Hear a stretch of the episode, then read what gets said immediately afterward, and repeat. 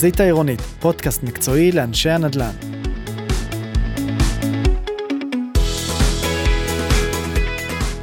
שלום לכולם, ברוכים הבאים לחזית העירונית. נמצא איתי חבר קרוב, פולי טטרו, אה, מנכ"ל ושותף אה, בטופ קפיטל. פולי, מה העניינים? מצוין, מה שלומך דן? בסדר גמור, אז אה, צפוי לנו היום פרק מאוד מיוחד, נכון? כי זה פרק שבו להבדיל מזה שאני שואל שאלות ועונים תשובות, אנחנו נמצאים בסיכומו של 2023 עם הפנים ל-2024, תקופה עם הרבה מאוד סימני שאלה, ובפרק הזה אנחנו הולכים לגעת בנתונים קצת, לגעת במה עברנו ב-2023, ונראה אם אנחנו נצליח לנתח קצת מה צפוי לנו העתיד. אה, אני חושב שהולך להיות פרק מאוד מעניין, שיחה יותר בינינו מאשר אה, שאלות ותשובות. אז uh, לפני שאנחנו צוללים את זה, תן לנו קצת רקע אה, על הפעילות שלכם בטופ קפיטל אה, ועל הרקע שלך, רק בשביל שנבין איזה ראיית מקרו יש לך על השוק ואיך אתה רואה את המספרים. מאה אחוז, טוב, קודם כל טופ קפיטל, אני חושב שכבר הרבה מאוד מכירים, זו חברה שעוסקת במימון חוץ בנקאי לפרויקטים בנדל"ן. אה, אנחנו בעיקר אה, אה, עוסקים בלהעניק ליזמים מעטפת ליווי מלאה שכוללת ערבויות חוק מכר, מסגרות אשראי לבנייה, אם זה משלים הון עצמי, חוב בכיר וכולי. יש לנו עוד פעילויות של מימון יזמים, למשל פעילות של מימון קבוצות רכישה והלוואות לכל מטרה, להשבחת נכסים, רכישת קרקעות וכדומה. כלומר, אנחנו מנסים לעשות הכל כדי לתת ליזמים תחליף אמיתי לבנקים, גם ברמת המחירים וגם ברמת היקף השירותים שאנחנו מעניקים. כמה פרויקטים אתם מממנים היום? היום אנחנו מממנים אה, קרוב ל-100 פרויקטים אה, בליווי. אה, בכל ה... כלומר בכל המישורים, אם זה יזמים, אם זה קבוצות רכישה, אלפים רבים של יחידות דיור. אני יכול לספר לך שמאז אוקטובר, אתה יודע, אנחנו התחלנו אה, כבר לספור דברים מאוקטובר, כן. כי כאילו התחיל, החיים התחילו חדש. באוקטובר, כן, mm-hmm. זן חדש. אנחנו הצלחנו לאשר כ-1,500 יחידות דיור לליווי ב-12 פרויקטים. כלומר, השוק עדיין חי, בועט, אה, ואנחנו רואים פעילות. כמובן שזה לא באותם תנאים אה, של עבר, כי בכל זאת קרה משהו. סיכון אחרת. כן, נכון. אמ-המ. אני יכול עוד לספר שאנחנו מאוד ותיקים בשוק, טופ קפיטל הוקמה ב-2009, השותפים האסטרטגיים שלנו, אה, וגם מחזיקים מניות בחברה, הם לידר שוקי הון, פניקס ביטוח, אמ-המ. מור קופות גמל. יש לנו שותפויות עם ילין לפידות, הבנק הבינלאומי, בית ההשקעות אנליסט, גופים נוספים, אני מקווה שלא שכחתי. אבל כן, המקורות שלנו נשענים על גופים מוסדיים, המקורות הכספיים שלנו. אנחנו מקפידים על כך, אה, ואני חושב שזה מה שגם אה, נותן לנו את האפשרות להעניק ליזמים מעטפת שירותים שהיא תואמת לבנקים, ואפילו יותר מכך.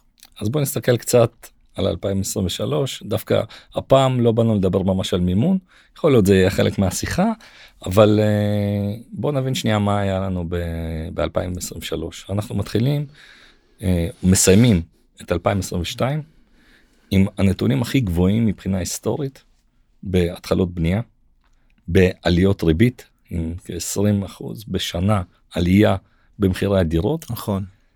נתונים ש, שלא נראו כמותם, זאת אומרת יש איזה אפילו במידה מסוימת סוג של אופוריה, כן צריך לזכור שבאמצע השנה, אה, באמצע 2022, אה, התחילה עליית הריבית אה, של נגיד הבנק, ומצד אחד אנחנו רואים ביקושים גבוהים, מצד שני אנחנו רואים את העליית ריבית, אבל היא עדיין לא פוגשת את המציאות. אז זה משהו שהוא באמת שונה ב- ב- בהקשר הזה, כי אתה יודע, לפעמים אנחנו אה, רגילים לתקופות קצרות, אנחנו חושבים שהנה עכשיו נעשתה פעולה א', זה יביא לב', ואני גם אז אמרתי, ברגע שהנגיד מתחיל להעלות את הריבית, אתה רואה את התוצאות בשטח, רק אחרי חצי שנה, שמונה חודשים, יש זמן ספיגה מה שנקרא. יפה כן, בדיוק נכון. זמן ספיגה. כן. ו... ואז אני חושב שאנחנו אה, כ... כיזמים כאנשים שמובילים את הענף הזה כאנשים אה, אה, שיש להם עסקים בתחום הזה נמדדים ביכולת תגובה שלנו. תספר שנייה איך אתה ראית את הנקודה ככה אני אקח אותך לתחילת 2023 אתה מסתכל אחורה עליות הייפ מכירות היצע יחסית אה, נמוך של דירות. כן. טוב, קודם כל זה לא רק אני, זה גם השותפים הנהדרים שלי. אז uh, בהחלט אנחנו, uh, כשהבנו שאנחנו נכנסים לתקופה של uh, עליית ריביות, אנחנו הבנו את זה מהר מאוד, שהעלייה לא תיעצר בשתי פעימות או אפילו שלוש פעימות. הבנו לאן אנחנו הולכים, uh, אבל מצד שני ראינו שגם מתחרים שלנו בשוק, אם זה בנקים או גורמים חוץ בנקאיים וגם יזמים, לא כל כך מצליחים להפנים על ההתחלה את השינוי הזה. את השינוי הזה. כלומר, אני נתקלתי במצבים שמתחרים נותנים עדיין תנאים במונחים של 2021, אה, עם אה, הון עצמי מאוד נמוך, היקף מכירות מאוד נמוך, ריביות, אה, מרווחי ריבית מאוד מאוד נמוכים. זה מאוד מאוד הפתיע אותנו. אה, בתקופה שהריבית עולה כבר פתאום כן, עולה לארבע, חמש. הסיכונים עולים אה, וכדומה, ומצד שני יזמים, אני רואה בשטח לא כל כך מפנימים ועושים מאמצים למכור דירות, כלומר הם נשארים עקשנים. עם מלאי הדירות שלהם במחירים גבוהים, אגב הרבה מאוד פעמים גם גבוהים מדוח אפס, כן? הרי אנחנו יודעים שיש פער בין אה, אה, המחירים בדוח אפס למחירי המכירה במשרד המכירות, ואנחנו רואים שהם, למרות שיש להם את הבשר להוריד מחירים, הם לא עושים את זה. ו... זה הרגל של הרבה מאוד שנים 15 שנה של עליות בדיוק במחירים בדיוק ואתה יודע בסוף א' יזמים מטבע הדברים הם חייבים להיות אופטימי אתה לוקח אשראי גבוה מינוף מאוד גבוה בשביל להרוויח אתה צריך להיות אופטימי והאופטימיות הזאת בתקופות של שינוי לפעמים יכולה לבוא באחוריך. נכון בדיוק. מאוד מאוד להטות ואני חושב שזה גם מה שקרה. אה, כי עדיין בתקופה הראשונה שהריביות התחילו לעלות, אני פתאום ראיתי עדיין יזמים שרוצים ללכת ולהתחייב על רכישת קרקעות לדוגמה. אה, כלומר, אתה, אתה מבין מה הולך לקרות בשנה הקרובה, ועדיין אתה רוצה ללכת להשקיף את, החד, את הכסף בריביות גבוהות על קרקעות. ראינו את זה קורה, לפחות בחצי השנה הראשונה של עליות הריבית, כי קיבלנו המון הצעות, המון בקשות אשראי. תחילת 2023, כן, סוף 2022. כן, וזה מאוד מאוד הפתיע אותנו. אגב, אנחנו סיננו, אנחנו כמעט, ברגע שהריבית התחילה לעלות, אנחנו הפסקנו לממן קרקעות. לא רצינו להיות אה, בנישה הזאת, כי הבנו מה המשמעות והבנו מה יהיה הקושי של היזמים. לשלם את הריבית בשוטף ולא רצינו להיכנס לשם והג... כן. וזו הייתה אה, החלטה מושכלת. כן. אה, אבל בליווי הבנייה צריך להבין משהו כשיזם נכנס לליווי בנייה מה שחשוב לגורם המממן, לא משנה עכשיו אם הוא בנק או חוץ בנקאי, זה לראות כל הזמן קצב מכירות קבוע של הדירות. כי א', הוא נותן איזושהי הוכחה לגורם המממן שהשוק חי ובועט. ודבר שני, לנו כמממנים הוא מוריד, זה מוריד את הסיכון הפיננסי, כי אנחנו נשענים יותר על כספי רוכשים ופחות על כספי אשראי. אז ה-LTV שלנו מן הסתם לא גודל למקומות שאנחנו לא, והכושר ספיגה שלנו לא אה, קטן למקומות שאנחנו לא רוצים להיות בהם. ולקח לנו זמן קצת, מה שנקרא, להעביר ליזמים שהם חייבים לעשות שינוי. בדיוק. Uh, ואני חייב להגיד לך שזה לא אנחנו הצלחנו לגרום להם לעשות את השינוי. בסוף השוק השוק בסוף הביא אותם לשם כן. שאלה כמה זמן לוקח לך לעשות את השינוי. אני זוכר שהתראיינתי עם אה, טל קופל חבר אה, שהוא מנכ"ל מדלן וראינו פתאום האטה משמעותית. ראינו עצירה בביקושים זה היה באמת אה, תחילת 2023 ו, ואמרנו מי שיגיב מהר אני זוכר. אתה זוכר? את זה כן, יצליח כן. למכור. מי שלא יגיב מהר נכון אתה לא יודע לאיפה אנחנו הולכים כי בסוף צריך לזכור שריבית גבוהה יש לה שחיקה. יש לה שחיקה הריבית הגבוהה ככל שהזמן עובר שהמשק ומשקי הבית נמצאים בריבית גבוהה ככה יכולת הקנייה שלהם והאופטימיות הזאת שקראנו לה הולכת ויורדת. אתה יודע מה עוד מיוחד היה בינואר 2023?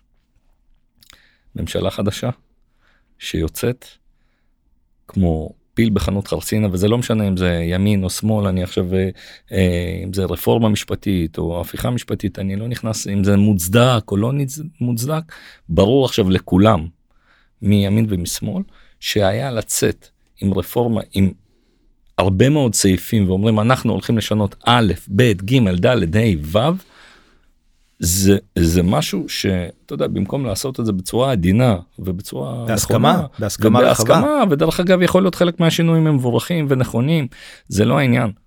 בסוף התחילה הרפורמה המשפטית והרפורמה המשפטית התחילה בינואר בדיוק לפני שנה ינואר 2023. מה שיצר האטימות הזאת בין חלק מהגורמים בממשלה וששיקפו את המדיניות של הממשלה ביחס לשוק יצר את הקלאש הזה שהוסיף ופגע מאוד משמעותית מאוד. בדירות. מאוד. בכלל בענף, בכלכלה, אתה צריך להבין משהו. אה, החוזק הכלכלי שלנו כמדינה נשען בין היתר על הנדלן שלנו כאן שהוא מאוד מאוד מתפתח הוא מביא לכאן המון משקיעים המון יהודים שקנו כאן אפילו אם הם לא גרים בישראל רכשו כאן דירות ונכסים כדי שיהיה להם כי הם גם ציונים וגם אה, רצו להשקיע במדינת ישראל וגם הנושא של המטבע החוזק של השקל ומה שקרה ב-2023 לא מספיק שהריבית כאן הייתה מאוד מאוד גבוהה. הרפורמה המשפטית הזאת, כפי שהיא נוהלה וכפי שהיא ניסתה להיות מיושמת, גרמה לשחיקה מאוד מאוד משמעותית של השקל, ושלא יספרו סיפורים, זו הייתה הסיבה העיקרית. כלומר, אם בוא נגיד, לא הייתה רפורמה, השקל היה מגיע לרמות של 3.3, זה לא היה קורה. לא. בוא נאמר את האמת, אוקיי? התדמית אה, נפגעה, זאת אומרת, אנחנו מאוד. בנינו את התדמית הזאת לאורך שנים, עברנו את המשבר של 2008 בהצלחה, עברנו את הקורונה בהצלחה, תמיד בכל משבר שהיה במדינת ישראל, שהעולם חווה אותו, אנחנו היינו יחסית הסמן הימני. ידנו הייתה יד, יד עליונה. אני, ו- אני, ואמרו הנה זה אי, אי נכון. של שפיות כן. כלכלית שאפשר לסמוך על זה ופתאום יש את הרפורמה. אתה יודע אני זוכר שב2008 אני הייתי אה, כלכלן בחברת נכסים ובניין מקבוצת IDB ובשנה הזאת החלטתי שאני עוזב לחיים עצמאיים ומקים אה, יחד עם שותפי גיא רוזן את טופ אה, קפיטל. וכולם אמרו לי אתה לא נורמלי העולם מתמוטט יש סאב פריים אירופה בקריסה ארצות הברית ואמרתי לא זה הזמן לצאת גם אם יהיה איזשהו משבר משברון בישראל. זה הזמן להתחיל לבנות עסק כי לבוא בהצלחה לבוא כשכל השוק פורח מפה זה יכול רק לרדת למטה אמ-המ. אז אנחנו בוא ניכנס כשהמצב לא מי יודע מה ו- ונצמח. ואתה יודע מה לא היה שום משבר בישראל לא היה שום דבר החוסן הכלכלי שלנו תמיד תמיד תמיד אה, אה, אה, היה אה, מאוד מאוד אה, אה, איתן וחזק ביחס בטח ביחס למה שקרה בעולם. ופתאום אנחנו רואים שברגע שאנחנו מייצרים משבר פנימי כאן בתוך המדינה שלנו תראה מה קורה הוא יותר חזק מכל השפעה כלכלית חיצונית והמשמעויות של היחלשות השקל אני ראיתי את זה פתאום משקיעים שכל הזמן כל שנתיים שלוש כאלו שיש להם הרבה מאוד כסף ורוצים לרכוש נדל"ן ועוד דירות ועוד נכסים מתחילים לבזול לחו"ל. לחו"ל, לקפריסין, לפורטוגל, לארצות הברית, you name it. והכסף זולג החוצה. והכסף זולג החוצה כי השקל חלש. וזה מצב אגב מאוד מאוד מאוד מסוכן, אה, וזה, וזה מאוד מאוד פגע בנו. זה מאוד פגע בנו, במקום שירכשו כאן דירות, בתקופות קשות, אוקיי? שיש משבר כלכלי עולמי, הריבית בכל העולם גבוהה, גם בישראל, במקום שיכניסו את הכסף לישראל, מוציאים אותו החוצה. אני חושב שאנחנו צריכים ללמוד מזה.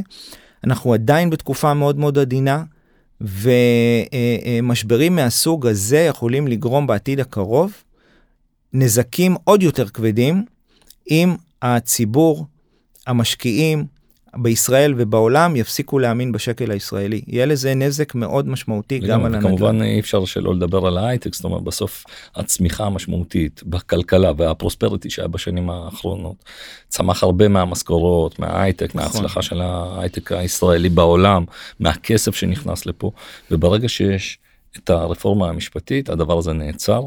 אה, ישבתי אתמול עם חבר. אה, באיזה פעילות שיש לו אה, אחד המשקיעים אצלו אחד האנשים הכי עשירים מיליארדר בדולרים. אה, קיבל החלטה הוא לא משקיע יותר מאז הרפורמה וואו. המשפטית לא משקיע יותר שקל בישראל כולל בסטארט-אפ ההוא הוא אמר אני לא, לא מכניס עוד וואו. כסף בסטארט-אפ אני עבר לחו"ל וכמות האנשים שאני מכיר שעברו לחו"ל ואתה יודע יכול להיות זה מוצדק יכול להיות שלא מוצדק יכול להיות שזה סנטימנט מוגזם אני כמובן אוהב את המדינה ואנחנו פה ובונים פה ועושים פה אבל הסנטימנט הזה מסוכן ובסוף בוא ניגש שנייה בעולם הצר שלנו של הנדל"ן. אה, ראית שדווקא באזורי גוש דן העצירה הייתה הכי משמעותית דווקא כן. בתל אביב. ואתה יודע יש לי חברים יזמים שבונים הרבה פרויקטים בתל אביב והוא אומר תקשיב אתה חושב שאותו הבן אדם שקונה אצלי דירה שלוקח מיליון שתיים משכנתה על אה, דירה ששווה 10 15 מיליון שקל אתה חושב שמזיז לו הריבית זה לא העניין של הריבית הרפורמה המשפטית בטח בגוש דן היה לה משקל הרבה יותר גבוה מהעלייה של הריבית. ופתאום ראית מגמה הפוכה של אם תמיד בנו על תל אביב ואתה יודע זה תמיד יהיה לזה ביקוש קשיח וזה כאילו היהלום של של העשייה ושל העסקים במדינת ישראל פתאום אתה רואה שדווקא הביקושים הלכו לפריפריה פתאום דווקא היזמים שהייתה להם אה, פעילות והיה להם מלאי באופקים ודימונה ושדרות ומקומות כאלה מכרו הרבה יותר טוב מאשר אותם יזמים שמכרו בגוש דן. Uh, תראה זה, זה מצחיק מה שאתה אומר uh, בזמנו כשאני עוד הייתי לפני עשור וחצי עוד הייתי שכיר אז אני זוכר שאחד הטייקונים הייתה לי איתו שיחה אני לא אגיד את שמו והוא אמר לי אתה יודע מתי משבר אתה מרגיש שמשבר מתחיל להגיע כשאתה רואה את העשירים מתחילים להתנהג כמו עניים. ואנחנו ראינו את זה בתל אביב תשמע אנשים עם כסף לא רוכשים דירות ובאמת כל השוק של ה-35-40 אלף שקל למטר נעצר. ראינו את זה אה, וזה לא סתם זה לא סתם. תחשוב שבסופו של דבר גם משפרי דיור אוקיי? אה, לא כולם לא כל אחד שרוכש דירה בעשרה מיליון שקל לוקח שני מיליון שקל משכנתה. יש כאלו שלוקחים חמישה מיליון. תבין מה מה הריבית עושה למשכנתה של חמישה מיליון שקלים זה כבר uh, game changer כלומר זה לא משהו יש הבדל בין פריים של 1.6 אחוז כמו שהורגלנו אליו בשנים האחרונות לבין זה שהפריים קפץ ל-6 ורבע אחוז ועכשיו 6 אחוז כן. יש לזה משמעות מאוד מאוד אדירה מאוד קשה לקנות בהלוואות דירות ואני כלומר זה ממש לא מפתיע שפתאום הפריפריה היא זו שפרחה לעומת ה... כן, אגב, גם המחיר וגם כן. ה... וגם אתה יודע יכול להיות גם התפיסה אתה יודע אותם האנשים שגרים בתל אביב הייתה תחושה כזאת אתה יודע של אותם האנשים שחרב עולמם אתה יודע הרפורמה המשפטית ודווקא אלה ש, שגרים יותר רחוק ויכול להיות בפריפריה לא הרגישו את ה... לא נתנו לזה את המשקל הזה מבחינתם זה לא היה אישו האישו הוא רק הקנייה והריבית וראית את זה בפועל בדירות. ב... נכון אה, תראה בסופו של דבר כשיש משבר צריך לזכור שבאמת המשקיעים קצת זזים הצידה יוצאים מהשוק ומי שרוכש בסופו של דבר הם ה end users כלומר אלו שבאמת צריכים את הדירה. זוג התחתן או זוג חייב אה, לקפוץ מדירת של שלושה חדרים לארבעה חדרים כי המשפחה התרחבה ואיפה הם יכלו להרשות לעצמם לקנות דירות יותר בפריפריות. אה, עסקאות של משקיעים זה בשוליים בפריפריות. נכון. תדע לך זה רואים את זה מבחינה בנתונים הסטטיסטיים אני לא יודע אם נכון. זה מהווה חמישה פחות אה, פחות מעשרה אחוז זה בטוח כן. אני חושב שעד חמישה אחוז. נכון אם, אם כבר נגעת במשקיעים אז באמת הייתה נטישה של המשקיעים שכמשכומן הגיעה גם עלייה של המס על המשקיעים אנחנו נכון. היינו בתקופות הגבוהות באזור ה-18-20 אחוז משקיעים אה, בדירות ואנחנו ירדנו מתחת ל-8 אחוזים לדעתי אנחנו באזור 6-5 אחוזים משקיעים מסך, מסך הדירות אה, ברכישות חדשות שזה כלום. ושוב כלום. אתה יודע קשה להגיד אה, מה, מה זה משקיע כי בסוף יכול להיות מישהו שקונה לבן שלו הוא משקיע והבן שלו בן 18 אבל אני לא מחשב את אלה כי אי אפשר אבל, לדעת. אבל, אבל ברור לך שהם לא שמרו את הכסף בכיסים. כן. מה שהם עשו הם לקחו את הכסף הוציאו אותו החוצה הוציאו אותו או לשוק ההון שידע לייצר להם תשואות אה, אה, דו ספרתיות אוקיי? Mm-hmm. לאג"חים לכל מיני אה, אפיקי השקעה כאלו ואחרים או שהם הוציאו את הכסף לחו"ל להשקעות נדל"ן בחו"ל. אתה הרגשת את זה? מה זה הרגשתי את זה? אתה יודע לא היה אחד שלא מדבר מה עם קפריסין? מה עם פורטוגל? מה עם זה? עכשיו אתה יודע זה גם לפעמים אנחנו ישראלים איך אנחנו חולים על הייפ נכון אנחנו רוצים כן, אנחנו מתים על עדר כן. אתה יודע השיחות סלון האלה זה זה אתה יודע מצד אחד זה הכוח שלנו היכולת שלנו לבוא וליזום וכולם אומרים איפה עושים כסף וכמה ואתה יודע בשיחות סלון של כולם. מצד שני אתה יודע לפעמים אנחנו קופצים להרפתקאות אה, מאוד מסוכנות ודווקא בעולם הזה של ההשקעות אני תמיד אומר ש... להשקיע עכשיו נגיד בגופים שמשקיעים יז... שמממנים יזמים בחו"ל שמממנים נותנים הלוואות ליזם בארצות הברית עכשיו אתה יודע יש גופים אה, בוא נגיד גוף שנפל הגשמה אתה יודע זה משהו שאני יכול להגיד אבל יש הרבה גופים כאלה יכול להיות הם עושים עבודה מדהימה בסדר ויכול להיות הם טובים ומצוינים אבל בסוף היכולת שלך לתת הלוואה ליזם מעבר לים בעולם שהוא פועל בנון ריקורס זאת אומרת שזה אין פה ערבות אישית של היזם הוא יכול נכון. תמיד להחזיר את הנכס להגיד תודה רבה השווי שלו ירד קח הבנק יקר קח את הנכס בחזרה. זה... שהסיכון הוא אגב כספי המשקיעים אה, ברובו כן הכסף מאוד קטן של היזם שנכנס פנימה.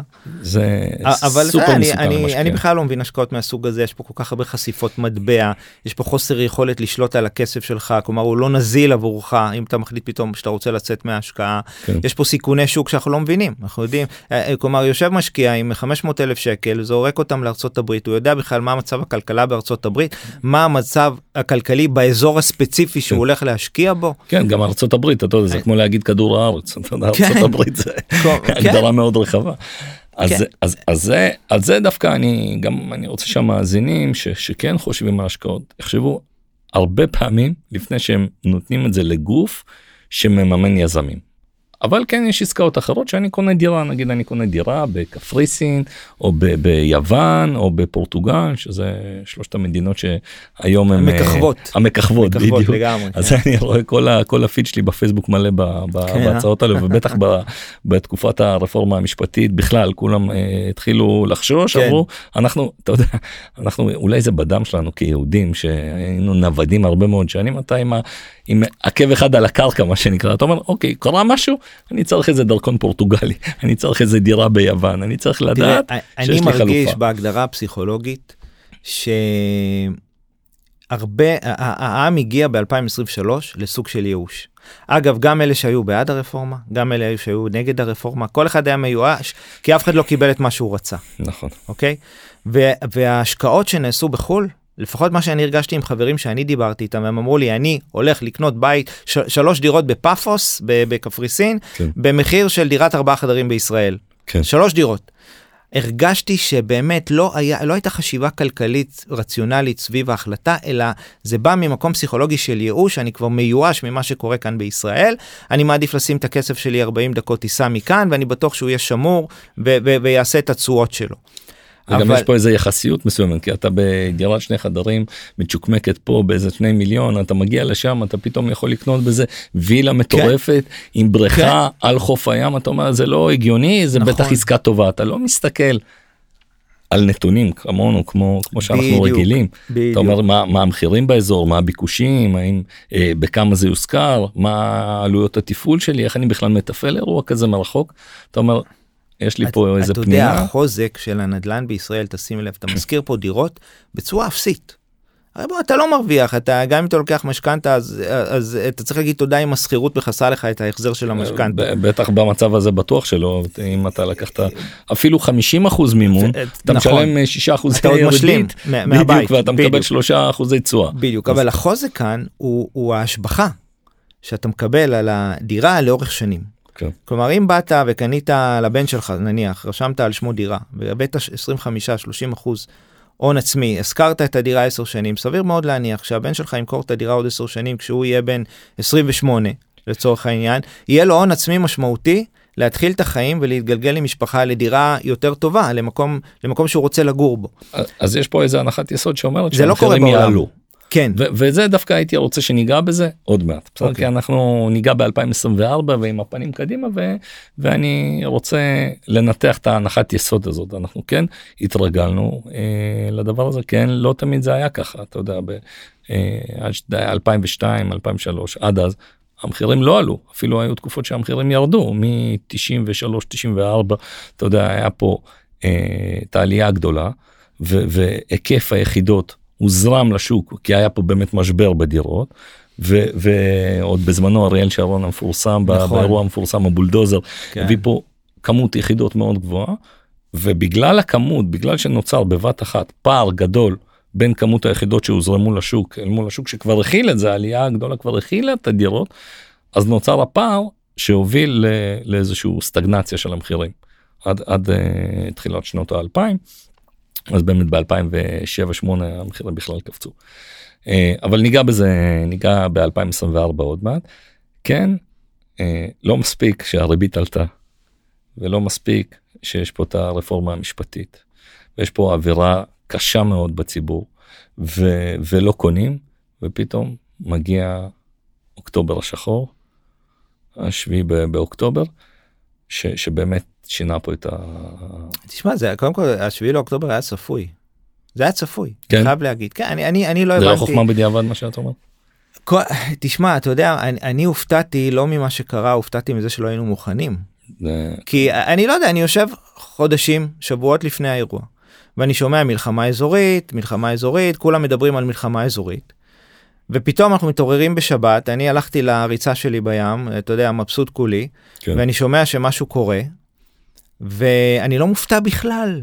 בכלל. בכלל לא מופתע, ואני אומר, אה, יהיה בסדר, התכוננו לזה. ואז אחרי שעות, אני מבין שאנחנו ברמת מוכנות אפסית, יישובים שלווים נטבחים, נחטפים, ופה פה, פה, פה, פה נכנסתי להלם. אמרתי, איך יכול להיות? הרי אנחנו מדברים על זה כבר שבועות וחודשים. כן, זה- זה המתודה מאוד- הזאת של ההתקפה כן. בכמה חזיתות, היא הייתה ברורה לכולם, המזל שלנו שהם לא היו מתואמים והחמאס תקפו לבד, לא נהיה אני פה חושב עכשיו. אגב אני חושב שזה דווקא חוסר המזל שלנו כי כנראה אנחנו לא היינו מוכנים כי לא ראינו את ההיערכות בצפון ואז אנחנו באמת הערכנו שבדרום רק מתאמנים Mm. וזה היה חוסר המזל שלנו כי הקונספציה הייתה שיתקפו מכל הכיוונים ואנחנו נדע. ובצפון לא ראינו מוכנות על הגדר ברמה שהייתה בדרום ואמרתי אז הם כרגע רק מתאמנים כשנראה אה, אה, מוכנות בשני ה... בכל צידי הגבול כן. סוריה אה, אה, לבנון אה, אה, ודרום אז אנחנו עוטף עזה אז אנחנו נדע שזה מתחיל כן. ולא התייחסו לזה ברצינות. ו... וזו, וזה היה חוסר המזל שלנו דווקא. אה, אה, אבל תראה, השביעי לאוקטובר טרף את כל הקלפים, חד משמעית.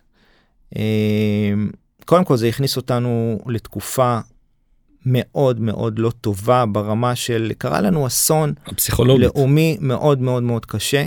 כן. אני מדבר עכשיו ברמה, אתה יודע, עזוב את הכלכלה, עזוב את הנדל"ן, הכל זה כסף, הכל זה שטויות. כן. אני מדבר ברמה הלאומית, באו ורצחו כל כך הרבה אנשים. שזה אחים שלנו. שזה... ואחים שזה- שלנו זה אנשים ערכיים, אתה רואה גם את האיכויות של האנשים שנרצחו, את האיכויות של האנשים שנחטפו, ואתה אומר, תקשיב, זה מטובי אנשינו, מטובי כן. ארצנו. וזה ממש ממש ממש כולם טובים אבל הם באמת הם היו המגן האנושי כן. אה, לא ברמת הסיסמה ברמת התוצאה וזה מאוד מאוד עצוב וזה הכניס אותנו מדינה שלמה עכשיו לסחרור זה אילץ אותנו לצאת למלחמה להחזיר את החטופים להחזיר את הביטחון יש לזה משמעויות יש לזה השלכות מכל הבחינות אוקיי ואני לא מדבר אפילו עכשיו על, ה, על הרמה של התחום פעילות שלנו עולם הנדל"ן. יהיו לזה השלכות עשור ועשור וחצי קדימה ככה אני רואה את הדברים השלכות אגב לא פשוטות. שמה? איך אתה רואה את זה? תראה אה, אני חושב שאנחנו שגם המפה הפוליטית מתחילה להבין שאנחנו חייבים להשקיע בהתיישבות אין ברירה. התיישבות זה הדרך היחידה עכשיו אני לא אני לא נכנס לימין שמאל אבל התיישבות גם שמאל ידע ליישב יישובים בוא לאורך השנים ואני לא מנסה להסגיר פה איזשהו אה, אה, אה, אה, כיוון פוליטי שלי. התיישבות תמיד הייתה הדרך הכי טובה לייצר ביטחון איפה שהייתה התיישבות הטרור לא זלג פנימה או זלג בטפטופים הרבה פחות משמעותיים ואני חושב אני רוצה לחבר את זה לנדל"ן. יפה אז הנדל"ן אז, אז, אז מה שאני בא ואומר שאנחנו יש הרבה מאוד אזורים במדינת ישראל שהם לא מיושבים ושם הפשע חוגג הטרור חוגג. אתה מתכוון כמו הדרום לצורך העניין? כן חד משמעית תשמע אתה יודע אני בשנתיים האחרונות להיכנס לרכב מתל אביב לנסוע לאילת אתה בחרדה כן. בתוך המדינה שלך. כן. אוקיי זה לא נורמלי. זה אחד הסיבות שהיה ייאוש ובן גביר לקח כל, כל כך הרבה מנדטים לא משנה אם זה מוצדק או לא מוצדק זה אחד שלאנשים נמאס נכון. שאין פה איזשהו משילות ואין פה העולם, ביטחון. אתה רואה את זה בכל העולם, אתה רואה עכשיו את הימין הקיצוני פורח בכל העולם, אוקיי? גם באירופה, גם כן, ב- כן, אתה רואה בדרום עכשיו את אמריקה. הפלסטינאים בכל המדינות וזה- זה בא באירופה. ממקום של ייאוש. נכון. כש- כשאזרח מיואש הוא לוקח את הצד הפוליטי של המפה, לא משנה אם זה ימינה או שמאלה, הוא מחפש משהו קיצוני לתקן את, ה, את, ה, את המצב ה, ה, ה, שנוצר. כן.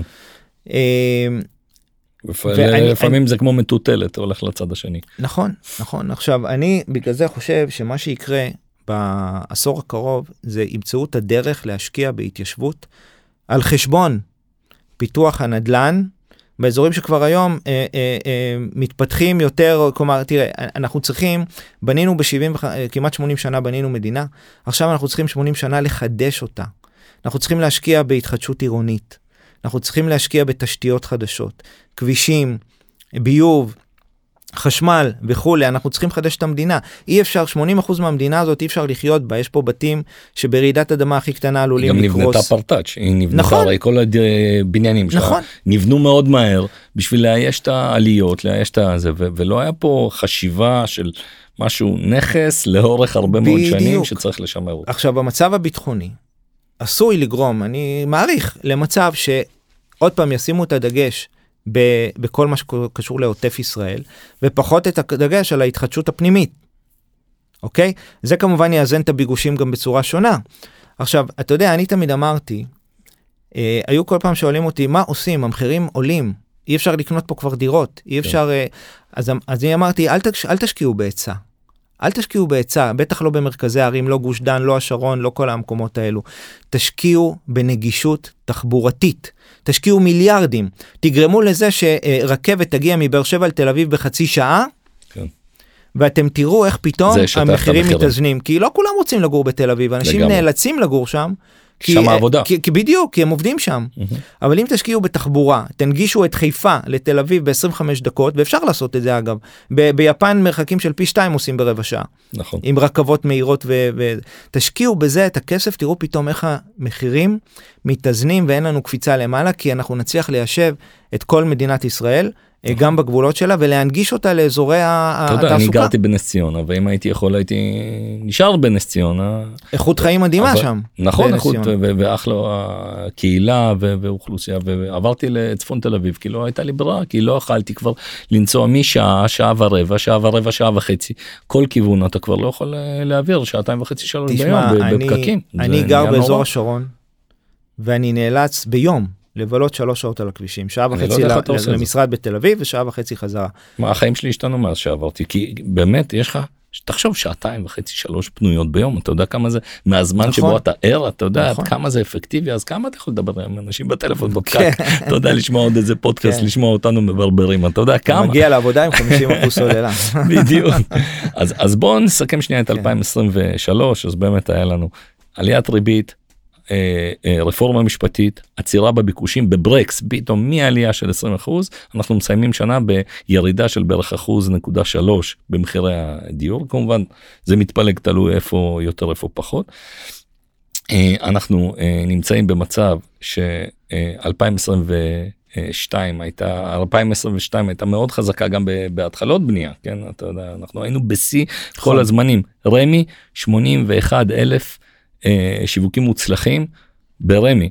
אה, אנחנו מסיימים אה, 70 ומשהו אלף בהיתרים 60 ומשהו אלף. בהתחלות כן, נכון. ואנחנו עכשיו ב-23 אני חייב להגיד שציפיתי ואמרתי את זה גם שתהיה ירידה משמעותית ב-2023 למה?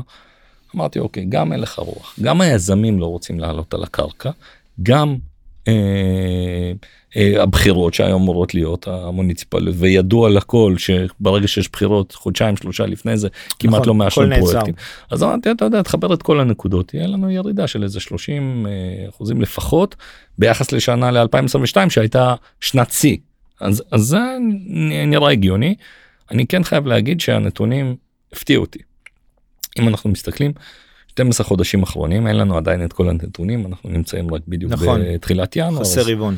אז חסר רבעון בדיוק אבל נראה שבסוף אנחנו מסיימים שנה יחסית לא רע זאת אומרת מבחינת כמות היחידות אנחנו רואים ירידה רק של אה, אה, 14 אחוז אה, אם אנחנו מסתכלים 12 חודשים כנגד 12 חודשים אחרונים עד אה, עד אוקטובר. עד אוקטובר, ש- כן, אוקטובר עד אוקטובר.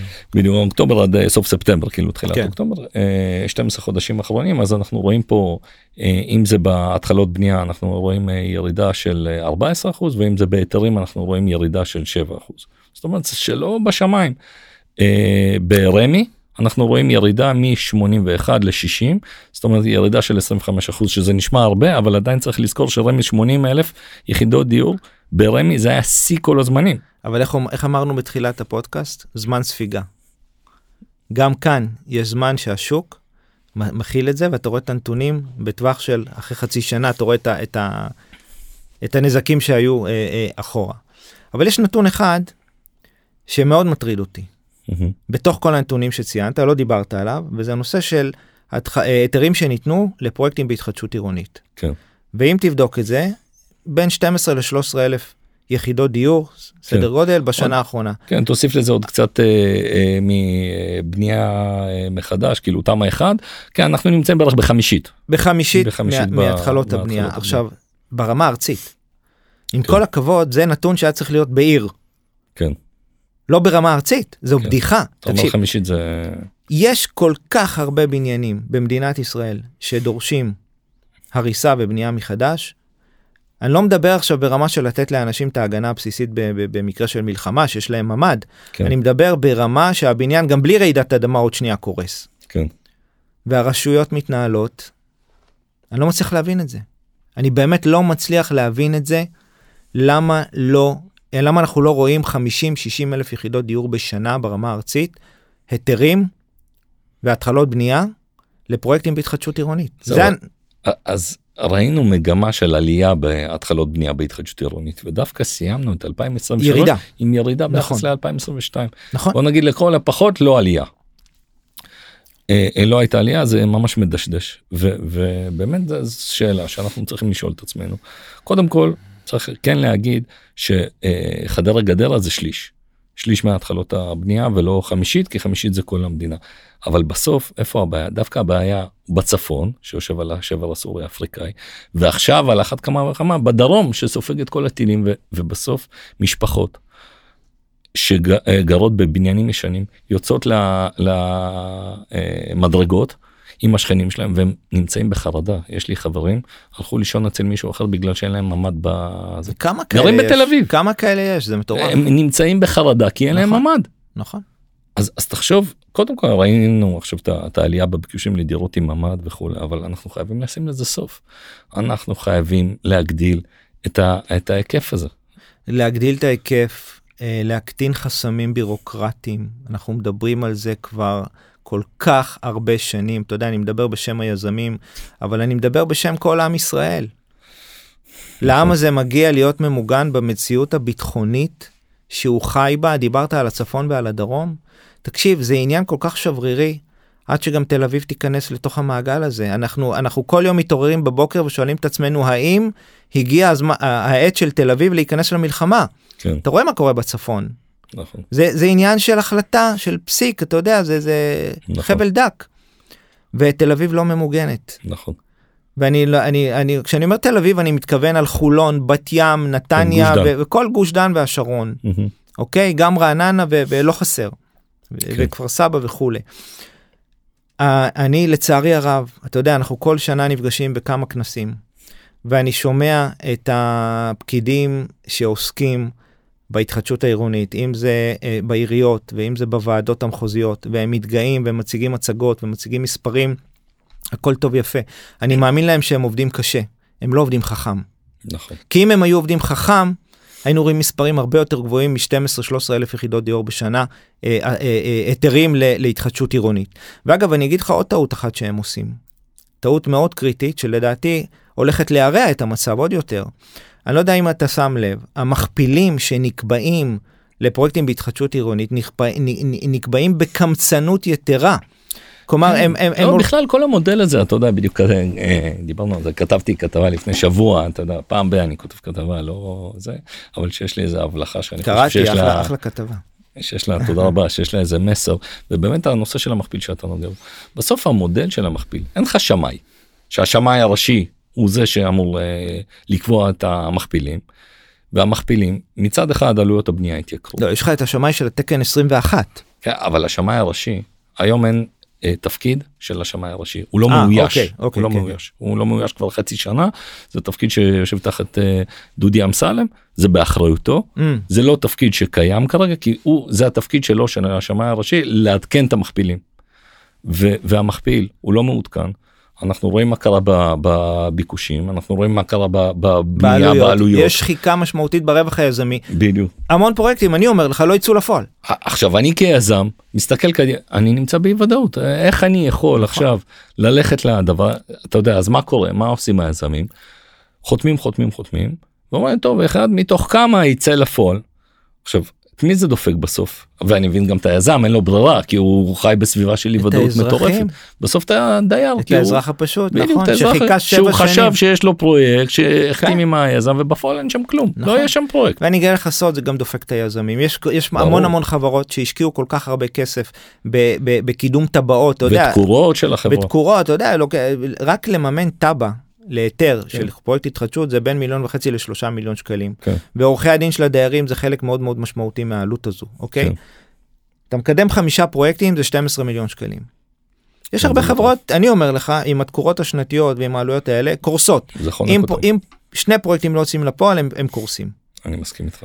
וזה לא הגיוני שאין ודאות בדבר הזה זה פשוט לא הגיוני. אתה יודע יש לי חבר שבונה בניו יורק אתה מכיר משפחה מאוד מפורסמת והוא מספר לי שהוא מגיע שם לוועדת תכנון המשפט הראשון שיוצא מהפה של אלה שיושבים what can we do for you sir כן. מה אנחנו יכולים לעשות כלומר הם. מעריצים את היזמים דרך אגב אומרים- יש עיר אחת במדינת ישראל שבה זה קורה וזה בירושלים עם יואל אבן שהרבה יזמים עזוב יואל אני אבן מאוד ש- שמח לשמוע את זה. שיזמים אומרים לי אתה יודע איזה כיף לבנות בירושלים כל הזמן מתקשר אליי יואל אבן מהנדס העיר בכבודו בעצמו אומר למה אתה עוד לא בונה מה אני יכול לעשות בשביל לעזור לך. זה משהו שצריך להכיל אותו בכל המקומות. אני שמח שאם כל הרשויות היו אה, אה, מאמצות את הגישה הזאת כי היזמים הם לא אויבי הציבור הם באים לעשות טוב ומותר להרוויח זה בסדר להרוויח בסוף הכסף הזה חוזר להשקעות בישראל וממשיך לפתח את הארץ. כן. ואנחנו שוכחים את זה יזם שמרוויח וטוב לו כאן יישאר כאן ימשיך לבנות את הארץ וזה האינטרס של כולנו. התפיסה הזאת שמושרשת של שהוא ירוויח את המינימום האפשרי בשביל שיהיה פרויקט כדאי זה התפיסה זה הנחת היסוד של המכפיל.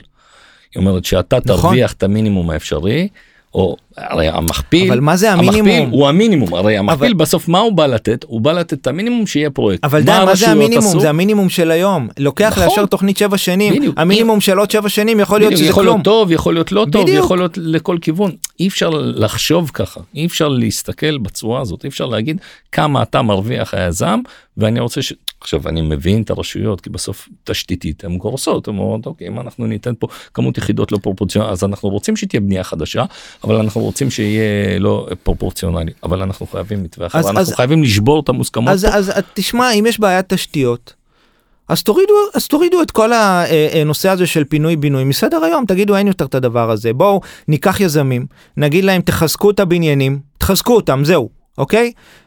וכנגד עלויות החיזוק תקבלו קרקע בנגב, תבנו שם, לא יודע, כן. תמצאו תוכניות אחרות, אבל אתם לא יכולים להכניס אותנו ללופ שאנחנו משקיעים, שהיזמים משקיעים כספים, אה, משקיעים זמן ומרץ, ובסוף יוצאים עם תוכניות לא כלכליות. ואני אומר לך, זה מה שהולך להיות בזמן המאוד מאוד קרוב. זה מצב, תרחיש מאוד מאוד מסוכן, ואתה יודע, אנחנו מדברים על 12,000 אה, עד 13,000 אה, יחידות התחלות בנייה בהתחדשות עירונית, אם זה ימשיך ככה, זה ירד לכמה אלפים בודדים. כי מאוד מאוד קשה לבנות באי ודאות הזאת. ממש. שלוקח לך 7-8 שנים עד שאתה בכלל מההחתמה עד שאתה עולה על הקרקע 7-8 אתה יודע כמה דברים משתנים בדרך. נכון. אה, בואו נסתכל על אז סיכמנו קצת את 2023 באמת אה, נתון שאני חושב שהוא אה, נתון שהוא משמעותי ובאמת אמרת קונים פה דירות שהמחיר שלהם יעלה ואני רוצה שנייה לערער על המוסכמה הזאת. השאלה אם באמת התפיסה הזאת שהמחירים פה ימשיכו לעלות כל הזמן השאלה אם אתה חושב שזה משהו שיתקיים ב-2024 וצפונה. תתפלא לשמוע כן. כן, התשובה שלי היא כן. למה? משתי סיבות עיקריות, יש הרבה מאוד סיבות, אבל אני אקח שתי סיבות עיקריות. אחד, עלויות הביצוע, הן כרגע גדלות, אין ליזמים ברירה, הם צריכים להעלות את המחירים. אחד. וזה השאלה אם זה שני- יפגוש את השוק. אה. בסוף היזם הוא לא קובע את המחיר. השוק קובע את המחיר. היזם אם הוא יכל השוק תמיד- בגדול השוק תמיד הוא את היה המחיר. עושה את המקסימום האפשרי בשביל השוק הוא- תמיד קובע את המחיר, ולראיה, אני אתן לך דוגמה, אתה, אתה מכיר את זה, אנחנו מכירים את זה ביחד. כשיזם מקבל דוח אפס, וכתוב בדוח אפס שהשמאי קבע שהדירה שווה 2 מיליון, במשרד מכירות הוא ימכור אותה ב-2 מיליון 200. זה מה שהוא יגיד לאיש מכירות. זה מה שהיה עד כה. זה מה שהיה עד כה. נכון. כי גם הרבה פעמים ולמה? כי זה השוק. שבו הוא עשה את הדוח אפס עד לשלב שבו כן. הוא מכר. אז אז אה, זה היה לא השוק. בטוח שזה מה שיהיה. אז יפה אז אני מאמין שאתה תראה קודם כל הרבה מאוד שינו- שינויים דמוגרפיים כרגע בתוך מדינת ישראל. יש הרבה מאוד שלא ירצו להמשיך לגור בדרום או להמשיך לגור בצפון וירצו להתמרכז, יותר פנימה. אז קודם כל אתה תראה עלייה של ביקושים שם. שזה עצוב. כי דווקא זה מאוד מאוד עצוב ומאוד מדינת ישראל מסוכן. חייבת את, ה, את הפיזור הזה וברגע שאנחנו מסכים איתך כל נתכנס- כך. מסכים איתך כל כך. אני אני חייב להגיד לך גם בינינו איכות החיים באזורים האלה הרבה הרבה יותר גבוהה. וזה חבל שיש ישראלים שהולכים לאבד את האיכות הזאת רק כדי אתה להרגיש יותר מתכוון בטוח. בצפון ובדרום זאת כן. אומרת האיכות חיים רק האיכות חיים ברור. שם כן אני מסכים הרבה איתך. יותר אתה מטייל גבוהה. בצפון אתה אומר הייתי מת לחיות פה אם היה לי כן. פה עבודה הייתי מת לחיות פה במקום המדהים הזה. נכון. אה, בוא כמה פעמים אנחנו נוסעים לשם לטייל ואנחנו אומרים וואו אנחנו בטוסקנה נכון. בתוך מדינת ישראל זה נכון. אזורים אה, והמושבים האלה ומלח כן. הארץ ואתה יודע אוכלוסייה מדהימה. נכון. ואני אני מאוד מקווה שאתה טועה. אני מאוד אני מקווה. אני מאוד רוצה לטעות. אוקיי אני מאוד רוצה לטעות ואני אשמח שניפגש פה עוד שנתיים ונגיד שבעניין הזה טעיתי. ודבר שני זה שוב הפערים בין היצע וביקוש נכון שלא ראינו אותם בסטטיסטיקות שהצגת לגבי השנה האחרונה אבל השנה האחרונה בעיניי לא מייצגת כי הייתה שנה אה, מעורערת שנה של הלם מהמם, זה התחיל בהפיכה המשפטית שהתחילה ברביעי לינואר 2023 מהמם. וזה המשיך עד אוקטובר שזה היה הקינוח המאוד מאוד לא טעים המאוד מאוד מר שקיבלנו של השביעי אה, באוקטובר. של השביעי לאוקטובר ולכן השנה הזאת בעיניי היא שנה שאינה מייצגת אה, אה, זרימה של היצע וביקוש ואני לא לוקח אותה כדוגמה. כלומר לפי הסטטיסטיקה של השנה יש יותר היצע מביקוש. אבל בעיניי זה לא נכון כי אנחנו עדיין מרגישים את הביקוש הכבוש הזה הוא חי הוא קיים. לצערי בגלל סיבות כאלו ואחרות הרבה מאוד מהכסף הופנה לחו"ל. ראינו את זה בהיחלשות של השקל דיברנו על זה. נכון. אבל אני מאמין יציאה שהמגמה הזאת תשתנה. המשקיעים מהשוק. כן, אני מאמין שהמגמה הזאת תשתנה. אני מאמין שאנחנו לקראת אירועים היסטוריים ברמה האזורית, ואני לא מדבר כרגע רק ברמה של uh, מדינת ישראל והאויבים שסובבים אותה, אני מדבר על כל האזור. אנחנו בחצי עשור הקרוב לקראת אירועים היסטוריים, ככה אני לפחות קורא את המפה, זה התחיל במלחמה באוקראינה ורוסיה, המשיך למלחמה לפה, ואני מאמין שזה ימשיך לעוד מקומות בעולם. כלומר אנחנו מתכנסים לעימות גלובלי לזה אתה מתכוון או מה? אני חושב שאנחנו מת, מתרכזים לעוד מלחמות בעוד אזורים בעולם וכל הדברים האלה בסוף משפיעים אוקיי אנחנו היינו השלב השני בשרשרת אבל נשמע שיש לזה השפעה שלילית לא בהכרח חיובית או שאתה אומר יבואו לפה יותר אנשים תראה מחו"ל. על, על רוסיה הייתה השפעה חיובית שנפתחה פה חזית. כי אור הזרקורים ירד ממנה ובסופו של דבר הם, הם, יותר חופשיים לעשות מה שהם רוצים בתוך אוקראינה. כאילו השפעה שלילית לאוקראינה. היא לאוקראינה. כן, חיובית הרב, לרוסיה. כן, אנחנו- אני לא בטוח שאם אה, אה, תהיה מלחמה אחרת באסיה לדוגמה, אוקיי? אז זה לא ישפיע באופן חיובי אה, עלינו, אבל אתה תשים לב מה קורה פה, יש פה מאוד, הרבה מאוד השפעות של עכשיו של אירופה ושל ארצות הברית בתוך המזרח התיכון, ואני מניח שיהיה פה סדר יום חדש. הוא יהיה בצורה דיפלומטית, הוא יהיה בצורה של מלחמה, אני לא יודע איך הוא יהיה, יש הרבה מאוד דברים שצריך לסדר פה, כל הנושא של הסחר הבינלאומי למשל, הוא כרגע מעורער לחלוטין, אי אפשר כן. להעביר אוניות דרך אה, הים, אה, אה, אה, כן. הים האדום. שישפיע בסוף על הסחורות אה, בענף הנדל"ן ועלויות הבנייה אני אי- אי לוקח את אפשר, זה כן. לעולם שלנו. אי אפשר לחיות, העולם, לא עזוב אותנו, לא יכול לחיות תחת האיום הזה, כן. שכל פעם שיהיה איזה במבר קטן, תבוא איזה מדינה פלאחית ותחליט שהיא אה, עוצרת את הסחר הבינלאומי. לא, העולם לא יכול לחיות תחת האיום הזה. אז אני אגיד לך מה הניתוח שלי ל-2024. אני אגיד לך לכאן ולכאן כי כרגע בטח שהנבואה ניתנה לשוטים וכרגע יש הרבה מאוד סימני שאלה אבל א' אנחנו נמצאים בכמות שיא היסטורית מקום המדינה של דירות חדשות על המדף. זה קודם כל זאת אומרת אנחנו נמצאים ב-63 אלף דירות חדשות שלא נמכרו על המדף. המשמעות של זה שלוקח זמן עד שהשוק יקנה את הדירות האלה יש פה איזה כרית מסוימת שנניח עכשיו הביקוש עובר את ההיצע. הכמות הזאת של הדירות על המדף היא צריכה להימכר ייקח לזה זמן. אז מצד אחד בצד של הפחות טוב אנחנו נמצאים בכמה שנים של כמות יחידות גבוהה יחסית שהמדינה ייצרה. שלדעתי הפער הזה בין ההיצע וביקוש שתמיד אנחנו בענף הנדל"ן אומרים יש פער גדול בין היצע וביקוש ויש פה ילודה גבוהה וכן הלאה אני חושב שהפער הזה הולך ומצטמצם. בטח ובטח יכולת הקנייה של האנשים ירדה. אה, הריבית כמובן שעלתה והזוגות הצעירים אומרים טוב תן לי לגור עוד שנה עם ההורים תן לי עכשיו ואני לא אשפר דירה אני לא אעבור עליו ובסוף זה גלגל המשפרי דיור מזינים את הזוגות הצעירים וכן הלאה כי כל אחד זז נכון קדימה נכון הדבר הזה נעצר. והשאלה אם זה ביקוש כבוש שממתין שאומר אני לא עושה כרגע אני לא קונה אותו זה חדש חד לצורך. העניין. בעיניי זה, זה כיבוש, אה, אין לך היום תנאים, בטח לא ב-2023, לא היו לך תנאים אידיאליים ללכת ולעשות השקעות בישראל. כן. בוא, let's face it, בוא, בוא, בוא, נודה, בוא נודה באמת. אה, גם אתה, אם היה לך מיליון שקל בבנק, חשבת 200 פעם אם לקנות דיר, איתם דירה. ב-2022 היית רק חושב איזו דירה לקנות. נכון. אוקיי? היה אז כאילו אז בעיניי זו שנה לא מייצגת. שאתה בדיוק, בעיניי זו שנה שהיא אינה מייצגת. כן. אוקיי? ולדעתי כן יש פה ביקוש כבוש, ואני גם צופה, אה, ומדברים על זה, שתהיה פה כניסה גם של כספים מחו"ל, של יהודים מחו"ל שירצו להמשיך לחזק את מדינת ישראל, או בכלל למצוא לעצמם עוד מקום מפלט, אה, אה, וישקיעו גם הם כאן. כן. אה, בסופו של דבר יש לך כאן הרבה מאוד זוגות צעירים שצריכים דירות, וכמו שהגדרת את זה יפה מאוד, שיש פה גלגל של זוגות צעירים, משפרי דיור, בסופו של דבר אה, הוא מניע את המשק. אנחנו פשוט צריכים, כמו שהיה פה בעשור האחרון, לייצר את האווירה הנכונה, נכון. לעשות פה השקעות. אבל אבל תראה אנחנו כרגע נמצאים בהלך רוח מאוד קשה בסדר מאוד. לא יודעים מה יהיה בצפון אנחנו כמובן מעריכים שאי אפשר לעבור על זה על סדר היום ולדעתי זה ברור שאנחנו הולכים שם לאיזשהו עימות כי אי אפשר לאפשר לתושבי הצפון לחיות ב- בתחושת פחד כזאת שיש פה אה, את השכנים שלהם את החיזבאללה זה לא יכול לקרות.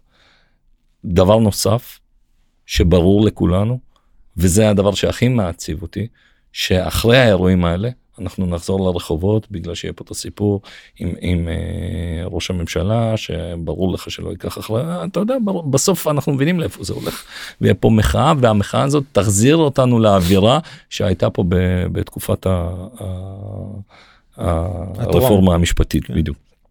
אז כל הדברים האלה הם, הם סימני שאלה שאני חושש מהם. מהצד השני אני חושב שיש לנו רצון כעם לחיות ולצרוך שאין שני לה בעולם. נכון. אתה רואה בתקופה של הפוגה אתה רואה עכשיו שמסעדות מלאות וזה חובתנו זאת אומרת אני חושב שבאמת גם אנחנו כעסקים גם אנחנו כ, כאזרחים צריכים לצאת ללכת עם ראש מורם ולבלות ולחיות ו, ועם כל הצער והסבל ש, שלא להתנער מזה. לזכור את כל הנופלים ואת כל האנשים שנלחמים ומצד שני לא להתבייש בזה שאנחנו גם רוצים לחיות בשביל זה אנחנו עושים את זה וזה הכוח שלנו כ- כעם היכולת שלנו לבוא ולצרוך וזה גם מה שיוביל אותנו לקנייה ולשיפור אה, החיים שלנו וזה אני חושב שהמנוע הצמיחה הכי גדול של מדינת ישראל. מסכים איתך לחלוטין, לא, לא, לא יכולתי לומר את זה בצורה יותר אה, נכונה ו, וטובה. אה, כן, אנחנו צריכים להמשיך לחזק את הכלכלה, את העסקים הקטנים. אה, כנראה שנגזר עלינו לחיות אה, בצורה הזאת של אה, מתחים ומלחמות מדי פעם, ואולי גם מפה העוצמה שלנו, שאנחנו כל הזמן דרוכים, ואנחנו Mm. לא שאננים, ראינו מה שאננות יכולה לעשות. אבל תשמע, אני זה חייב... מה שנותן לנו לצאת מהמשברים בצורה חזקה כי אנחנו נכון. רגילים לדברים האלה אנחנו רגילים להבדיל מהרבה מקומות בעולם שאם עכשיו תופס אותם איזשהו משבר הם הולכים וכפופים ואנחנו רגילים לדבר הזה ויודעים לחיות זה לצד זה. אתה יודע איפה אתה רואה את זה? כשהילדים שלך טסים לטיול אחרי צבא בדרום אמריקה או איפשהו ואתה הולך לבקר אותם ופתאום אתה רואה אותם מול נוער אחר מהעולם, אתה רואה כמה הילדים שלנו הם רמה ואיכות אחרת. כן. שם אתה חווה את זה ואחר כך הם נהיים גם אזרחים אחרים. אז, אה, יותר מחוספסים יותר אה, בדיוק, יותר מחוספסים, יותר... אה, תשמע, ברמת איכויות שונה, ואני מסתכל על הלוחמים שלנו היום בעזה, ואתה רואה, אתה יודע, כל כך דיברנו על הדור הזה, הדור של המסכים, פלאפונים, של... שכל מה שמעניין אותם זה הגשמה עצמית, לא, לא מסתכלים בכלל על, ה, על, על, על הכלל, אלא רק על, רק על עצמם. כן. ואתה רואה שכל הקונספציות האלה, אפרופו קונספציות, קרסו גם לנו. יש פה דור מדהים. וזה. דור שעתיד לבנות את המדינה, בחורים בני 20-30, מה שאנחנו, התרומה שלנו בשלושים שנה האחרונות, היא תהיה אפסית לעומת התרומה שעתידה להיות להם. אני רואה את הלוחמים האלה, ואני מבין שאנחנו רק צריכים לתת להם את הבסיס לפרוח ולצמוח, וכל אחד בתרומה הקטנה שלו. אנחנו גורמים מממנים, אנחנו נותנים איזושהי תרומה, תרומה קטנה משלנו ליזמים, לאפשר להם לבנות ואתה אה, יודע, אה, אה, להביא פרויקטים בסופו של דבר כן. ל, לרוכשים ש, שירכשו. זו התרומה הקטנה שלנו, אנחנו בצד של הכסף. אבל כל אחד מאיתנו בענף, בסופו של דבר, יש לו תרומה ענקית. נכון. ואני רואה את החבר'ה האלה ואני אומר לך, אם אנחנו ניתן להם את הבסיס הנכון, אז המדינה הזאת לגמרי בכיוון הנכון. נכון, בטח ביחס לעולם שמוסר העבודה השתנה מאוד. אני מאמין שהחספוס הזה שיש פה, שלצערי נבנה בהרבה שריטות, אבל הוא גם אה, היתרון היחסי שלו. חלק מהחוסן שלו אגב. נכון. זה חלק מהחוסן שלו. אז בשורה התחתונה 2024, אני חושב שהיא תהיה שנה מאתגרת. אני חושב שהיא שנה של הזדמנויות. אנחנו רואים כבר עכשיו, הריבית ירדה ברבע אחוז. אתה רואה את הרוכשים חוזרים חזרה אני יכול להגיד לך הנה נגיד אתמול ישבתי עם חבר שלי מנכ"ל מדלן דצמבר היה החודש הכי חזק בטראפיק נכון במדלן מתחילת השנה. אז גם באתרים. ב, גם באתרים, גם הנה, באתרים. אני שומע אתה רואה כבר יזמים יותר נושמים יותר רוכשים דירות כן. אתה רואה אותם חוזרים ולדעתי ככל שהריבית תרד וזה אה, נקודת אור אחת שהיא חשובה הירידה בריבית היא, היא בנויה אתה יודע ירידה בריבית המשכנתה בנויה על ציפיות אז ריבית ירידה קטנה משפיעה משמעותית על המשכנתה על הירידה של הריבית של המשכנתה. נכון. ובגלל זה אנחנו לדעתי נראה אה, הקלה ופתאום זוג צעיר שראה לנגד עיניו עכשיו 9,000 שקל החזר חודשי ולאט לאט זה ירד ל-8,000 הוא מגיד אוקיי 8,000 והמגמה חיובית קדימה כן. אז כבר אני יודע שזה 7,000 אני כבר יכול לקנות אה, יכול לקנות את הדירה אני חושב שבקטע הזה אה, אנחנו צפויים לאופטימיות כמובן שוב אי אפשר לדעת מה יהיה העימות וההשלכות שלו אבל אני מצפה ש2024 בטח אחרי החלק השני שלה יהיה חזק ובגלל זה. אני חושב שאנחנו נמצאים בתקופה של הזדמנויות ואמרת את זה מאוד נכון לגבי 2008 ואני אומר את זה. תחשוב אם הייתי שם אותך עכשיו ב2008 היית כמו ילד בחנות ממתקים קונה כל מה שזז. ואני חושב שאנחנו נמצאים בתקופה מאוד דומה.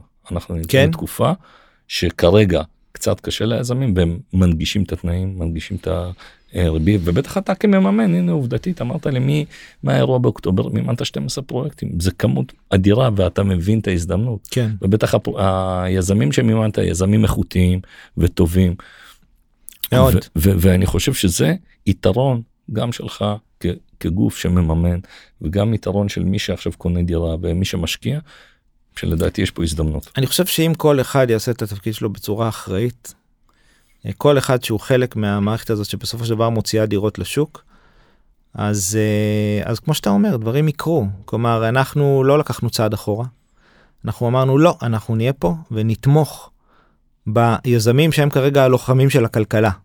נתמוך בהם, ניתן להם את המימון, לא נעצור, ניתן להם את זה בתנאים הכי טובים שאנחנו יכולים לתת, רק כדי להראות תמיכה ושהכלכלה והשוק והנדל"ן עדיין בתפקוד ומתגלגל, ואגב, אה, לא מעט קשיים, אתה יודע, מבחינת הפועלים, יש אתרים שהם כרגע לא מתפקדים או בתפקוד כן. חלקי, כן. כל הדברים האלה כרגע לא מעניינים אותנו.